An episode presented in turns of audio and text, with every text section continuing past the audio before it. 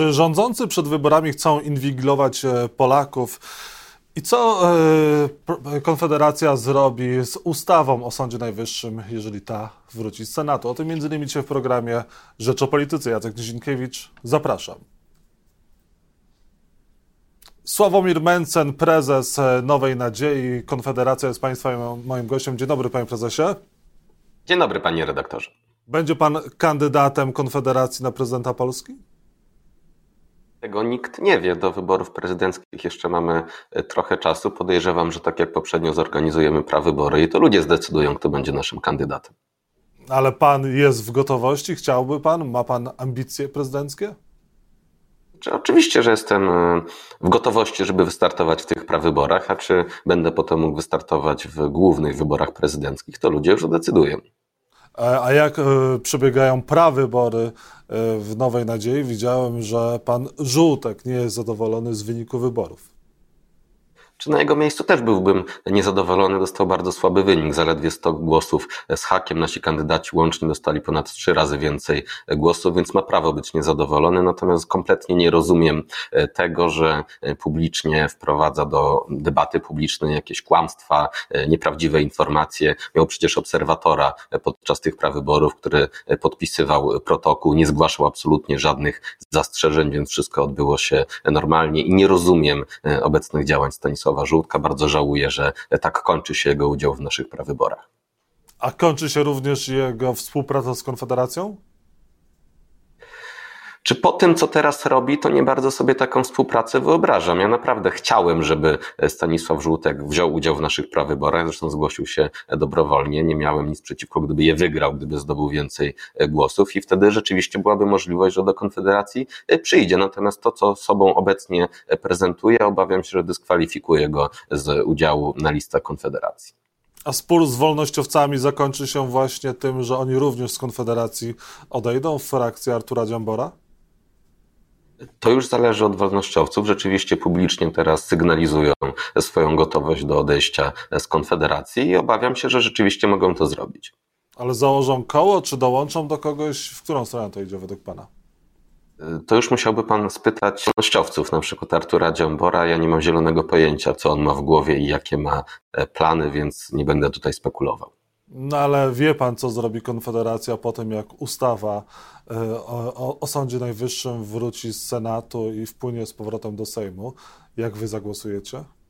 Jak się zachowacie? To zależy od tego, jakie tam będą poprawki Senatu. Być może część poprawek będzie akceptowalna, wtedy będzie należało je poprzeć, a część pewnie nie. Natomiast sama ustawa o Sądzie Najwyższym jest oczywiście nieakceptowalna, jest w sposób jaskrawy sprzeczna z konstytucją, co do tego nie mają żadnego, e, żadnych wątpliwości e, prawnicy, więc nie godzi się popierać ustawy tak jawnie niekonstytucyjnej.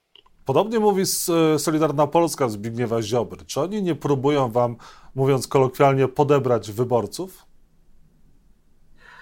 Wydaje się, że próbują, ale oni chyba nie rozumieją, jakich my mamy wyborców. Nasi wyborcy są zwolennikami tego, żeby podatki były niskie i proste, a Solidarna Polska przez ostatnie ileś lat komplikowała i podnosiła te podatki. Nasi wyborcy chcą, żeby sądy działały sprawnie, a Solidarna Polska od lat robi wszystko, żeby zniszczyć polski system sądownictwa. Bo my naprawdę, no, Konfederacja broni tego, żeby Polacy mieli prawo do prywatności, żeby politycy, urzędnicy nas nie inwigilowali, a znowu tutaj Solidarna Solidarna Polska zamierza tę inwigilację razem z PiSem wprowadzać, więc y, oni mogą próbować iść po nasz elektorat. No widać to chociażby w internecie, publikują nawet grafiki na Facebooku łudzące podobne do naszych grafik, biorą podobne czcionki, podobną stylistykę grafik, więc próbują nas imitować, natomiast robią to wybitnie nieudolnie, dlatego absolutnie nie obawiam się Solidarnej Polski współpracy z Solidarną Polską nie będzie, jeżeli to ugrupowanie poszłoby na wybory samodzielne i szukałoby partnerów e, do wyborów i układania wspólnych list? Absolutnie nie będziemy startować razem z Solidarną e, Polską. Podejrzewam, że oni również samodzielnie nie będą startować, bo wiedzą, że dostaliby 1%, tak by ich przygoda z polityką się zakończyła. A na pański polityczny nos to jest skuteczne takie podgryzanie premiera Mateusza Morawieckiego e, i Zbigniewa Ziobro wzajemne. E, co oni na tym mogą uzyskać? Na ile to może wzmocnić e, Solidarną Polskę, która z jednej strony atakuje premiera i głosuje przeciwko nowelizacji ustawy o Sądzie Najwyższym, mówi podobne rzeczy na ten temat, które pan mówi, że ona, ta, ta ustawa jest niekonstytucyjna, mówią wręcz, że została napisana przez eurokratów, a mimo wszystko pozostają w dalszym ciągu w rządzie e, premiera Mateusza Morawieckiego, którego ewidentnie nie szanują i krytykują. Tak, tam jest naprawdę bardzo ostry konflikt. E, Zbigniew Ziobro negocjuje teraz z PiSem zarówno miejsca na listach wyborczych, jak i kształt współpracy po wyborach parlamentarnych i w jego interesie jest pokazanie, że w razie czego ma zdolność do samodzielnego startu oraz ma zdolność do odróżnienia się od PiSu, ponieważ wyborcy mus, musieliby zrozumieć, dlaczego Solidarna Polska, która jest traktowana jako takie twarde jądro pisowskie tak naprawdę, e, czemu startuje e, samodzielnie. To można nawet powiedzieć, że Solidarna Polska jest bardziej pisowska niż sam e, PiS e, w oczach wielu wyborców, więc oni to muszą pokazać, że mają możliwość samodzielnego startu, żeby mieć jakiekolwiek argumenty w negocjacjach. Gdyby Ziobro wprost mówił, że nie wyobraża sobie samodzielnego startu i w sumie to się niczym nie różni od PiSu, no to Jarosław Kaczyński by go po prostu ograł, nie dał mu prawie żadnych dobrych miejsc i zabawa Ziobry z poważną polityką by się po prostu skończyła. Więc on to robi po prostu we własnym interesie. E, przekonany jestem, że wszystkie ostatnie szarże Solidarnej Polski mają po prostu przyczyny wewnętrzne, to znaczy chcą mieć lepszą pozycję negocjacyjną. A może coś na tym zyskać, na, tym, na tej próbie szantażu, że ewentualnie pójdą sami, jeżeli nie uzyskają e, odpowiedniej liczby miejsc? Na próbie szantażu mogą zyskać, no bo Jarosław Kaczyński, chcąc mieć spokój w swoich szeregach, może pójść na pewne ustępstwa. No zwróćmy uwagę na sondaże, gdzie y, koalicja obywatelska zbliża się naprawdę do PiSu i może się okazać, że każdy jeden punkt procentowy zdecyduje o tym, kto będzie rządził. W związku z czym PiS nie bardzo chciałby, żeby Solidarna Polska teraz startowała e, samodzielnie, e, ponieważ boi się, że przez to przegrają wybory. Z drugiej strony trwa tam też inna rywalizacja, nie pomiędzy PiS a PO, a pomiędzy Morawieckim a Ziobrą o przejęcie schedy po Jarosławie Kaczyńskim. Każdy z nich chciałby przejąć PiS, czy, czy, czy to, co zostanie z PiSu po Jarosławie Kaczyńskim, który coraz bardziej z kierunku emerytury i ta ich wewnętrzna rywalizacja jest również z tym związana.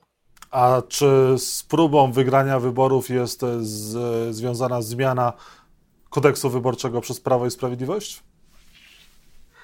Tak, to jest oczywiście pomyślane nie po to, żeby, nie wiem, polepszyć jakość polskiej demokracji, tylko po to, żeby PiS dostał więcej głosów. Mamy tam dwie istotne zmiany. Pierwsza jest taka, że Polonia będzie miała dużo trudniej udział w wyborach, ponieważ nie będzie można zagłosować mając, posiadając jedynie paszport, będzie potrzebny też dowód osobisty, a wielu ludzi mieszkających za granicą tego dowodu osobistego po prostu nie ma i mieć nie będzie. A tam za granicą PiS nie ma tak dobrych wyników. To jest pierwszy, pierwsza próba wpłynięcia wpłynięcia na wynik wyborów. Druga próba polega na tym, że ma być stworzonych znacznie więcej komisji wyborczych.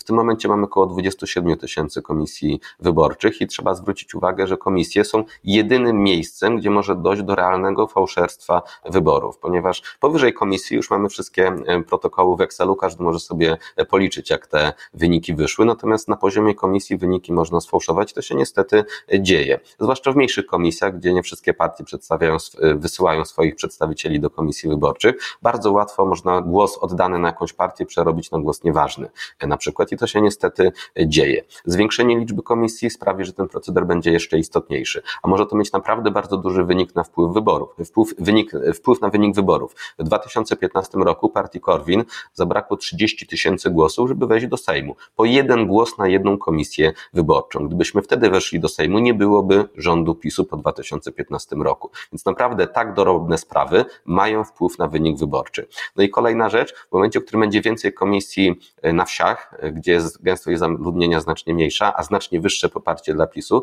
no to dodatkowe osoby, których może to skłonić do pójścia na wybory, statystycznie częściej poprą PiS niż inne partie.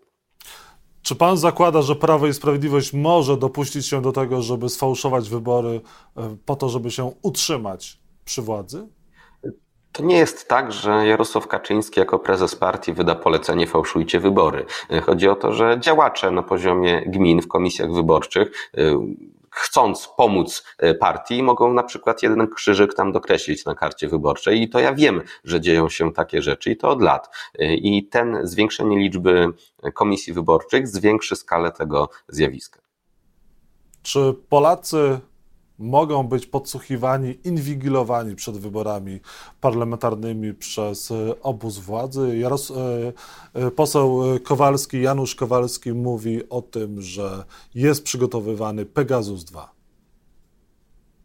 E, oczywiście, że, e, oczywiście, że tak. Mamy dwie sprawy. Pierwsza to nowelizacja tego prawa telekomunikacyjnego, które ma ten, razem ten druk ma 3,5 tysiąca stron i waży 17 kg, który daje niestety policji i służbom kilku e, prawo do inwigilowania Polaków, do patrzenia, co mają na swoich telefonach, do przeglądania historii komunikatorów, do wchodzenia na Messengera, Whatsappa czy innych komunikatorów. To jest poziom inwigilacji, której wcześniej nie było.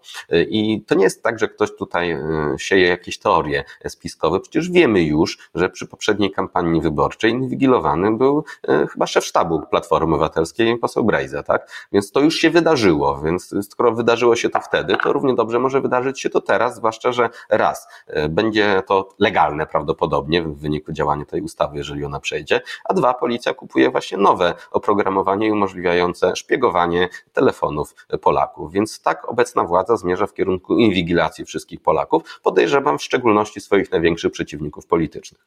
Czyli co, opozycja powinna zablokować tę ustawę, robić wszystko, żeby nagłośnić problem? Oczywiście, że tak. Nie wyobrażam sobie tego, żeby opozycja popierała w Sejmie czy w Senacie ustawę umożliwiającą inwigilację opozycji. To byłoby naprawdę samobójcze działanie. A zauważył pan, że właściwie nikt, e, żadna z partii politycznych poza Konfederacją nie podnosi tego problemu? Jest właśnie problem.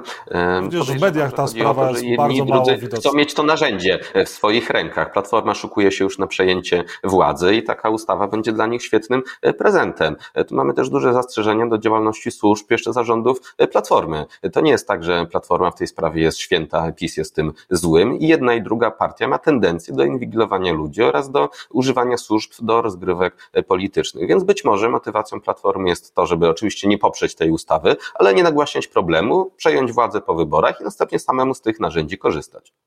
A jak pan patrzy na to, co się dzieje w służbach mundurowych, w szczególności w policji, to co pan myśli? Ostatnio wypłynęły informacje na temat brata komendanta głównego policji, który jest e, częścią mafii VAT-owskiej, o której Prawo i Sprawiedliwość mówiło przecież, że ją już dawno temu e, rozbiło. No i też tam wchodzi, e, działał e, prokurator na polecenie, jak czytamy w Gazecie Wyborczej, e, ministra Ziobro, prokuratora generalnego, tylko po to, żeby nie doszło do aresztu brata komendanta.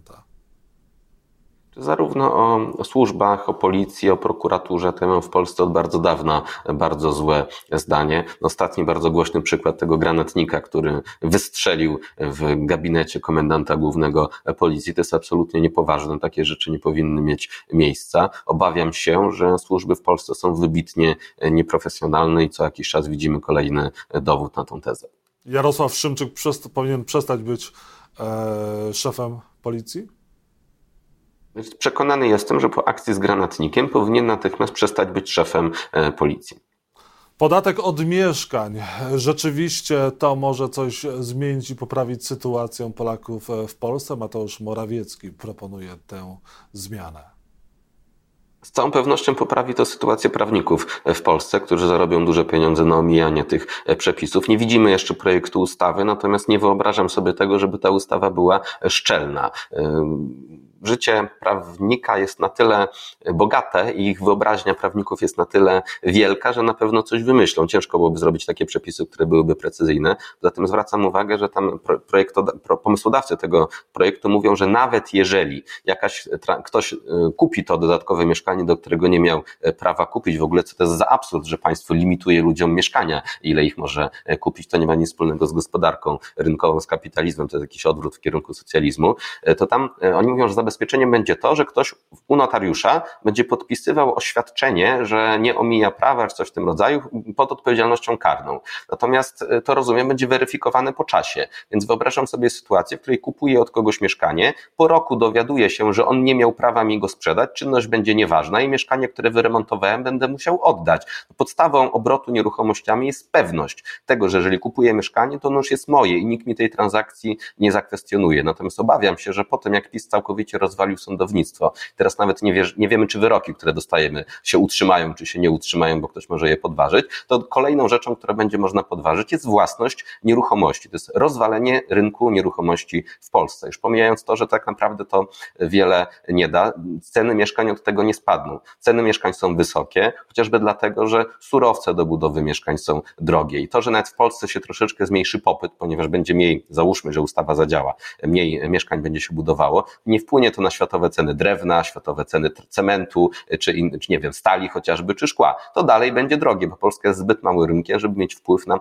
światowe ceny tych surowców. Zatem nie wiem, jakim cudem chcą zabronić funduszom na przykład przejmowania udziałów w spółkach, które mają całe bloki albo osiedla, albo jak chcą zabronić może nie kupowania, to budowania całego bloku. Przecież dla funduszu to bez różnicy, czy on kupi blok y, od innej spółki, czy ich spółka wybuduje blok, zlecając to pod wykonawców. To w zasadzie jedno i to samo. Więc nie rozumiem tej ustawy, ona jest sprzeczna z rozumem, sprzeczna z naszą prawdopodobnie konstytucją zresztą, nie odniesie spodziewanego celu, za to mnóstwo ludzi utrudni życie. I na koniec proszę powiedzieć, czy inflacja zacznie topnieć i sytuacja gospodarcza w Polsce polepszy się na tyle, że Prawo i Sprawiedliwość będzie mogło Polakom zaproponować e, kolejne programy społeczne przed wyborami i to nie zrujnuje gospodarki i nie wpłynie negatywnie na finanse przyszłych pokoleń?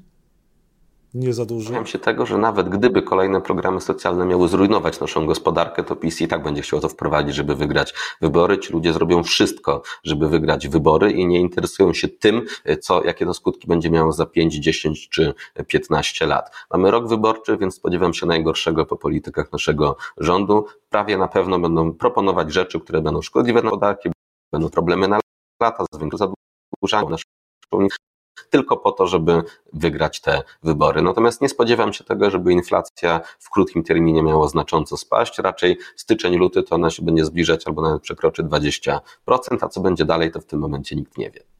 O tym, co będzie dalej, porozmawiamy jeszcze niejednokrotnie przed wyborami parlamentarnymi. Sławomir Mencen, prezes Nowej Nadziei, Konfederacja, był Państwa i moim gościem. Bardzo dziękuję za rozmowę. Również dziękuję.